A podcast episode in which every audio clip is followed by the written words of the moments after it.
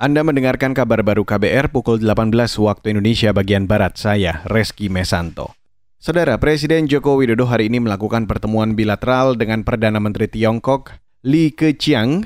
Pertemuan itu mengawali agenda kunjungan kerjanya di Tiongkok hari ini. Dalam pertemuan itu, Presiden Jokowi menyebut Republik Rakyat Tiongkok merupakan mitra strategis Indonesia di berbagai bidang. Jokowi ingin kedua negara meningkatkan kemitraan, terutama di sektor perdagangan, investasi, infrastruktur, keuangan, pendanaan, serta maritim. Saat ini, kata Jokowi, nilai perdagangan antara Indonesia dan RRT telah melampaui 100 miliar dolar Amerika atau sekitar 15 triliun rupiah. Dalam pertemuan itu, RRT juga berkomitmen menambah impor CPU 1 juta ton dari Indonesia, memprioritas impor produk pertanian dari Indonesia hingga kerjasama pembangunan Green Industrial Park di Kalimantan Utara. Beralih ke lantai bursa, saudara, perdagangan saham di Bursa Efek Indonesia hari ini bergerak positif di zona hijau. Dikutip dari data RTI, indeks harga saham gabungan sore ini ditutup menguat tipis 13 poin atau 0,19 persen ke level 6.871.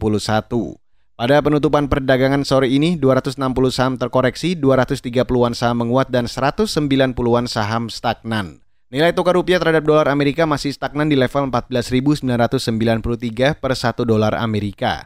Kurs rupiah terhadap dolar Amerika masih berada di bawah level psikologis Rp15.000 per 1 dolar Amerika menjelang pertemuan Bank Sentral Amerika, The Fed. Saudara, Komisi Pemberantasan Korupsi atau KPK menilai bekas Bupati Tanah Bumbu Kalimantan Selatan Mardani Maming tidak kooperatif dalam menjalani proses hukum.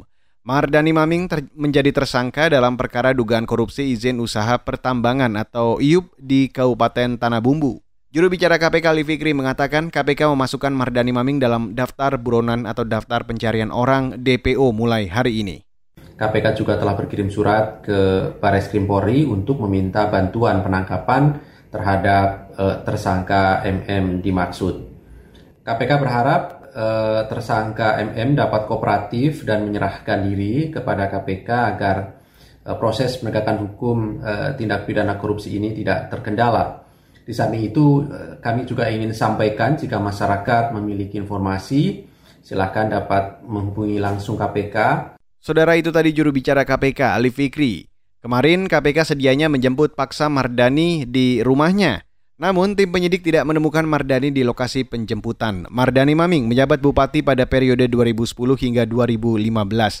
Ia merupakan politisi PDI Perjuangan. Mardani menjadi politisi PDIP kedua yang menjadi buronan KPK setelah sebelumnya ada nama Harun Masiku. Dan saudara, demikian kabar baru saya Reski Mesanto.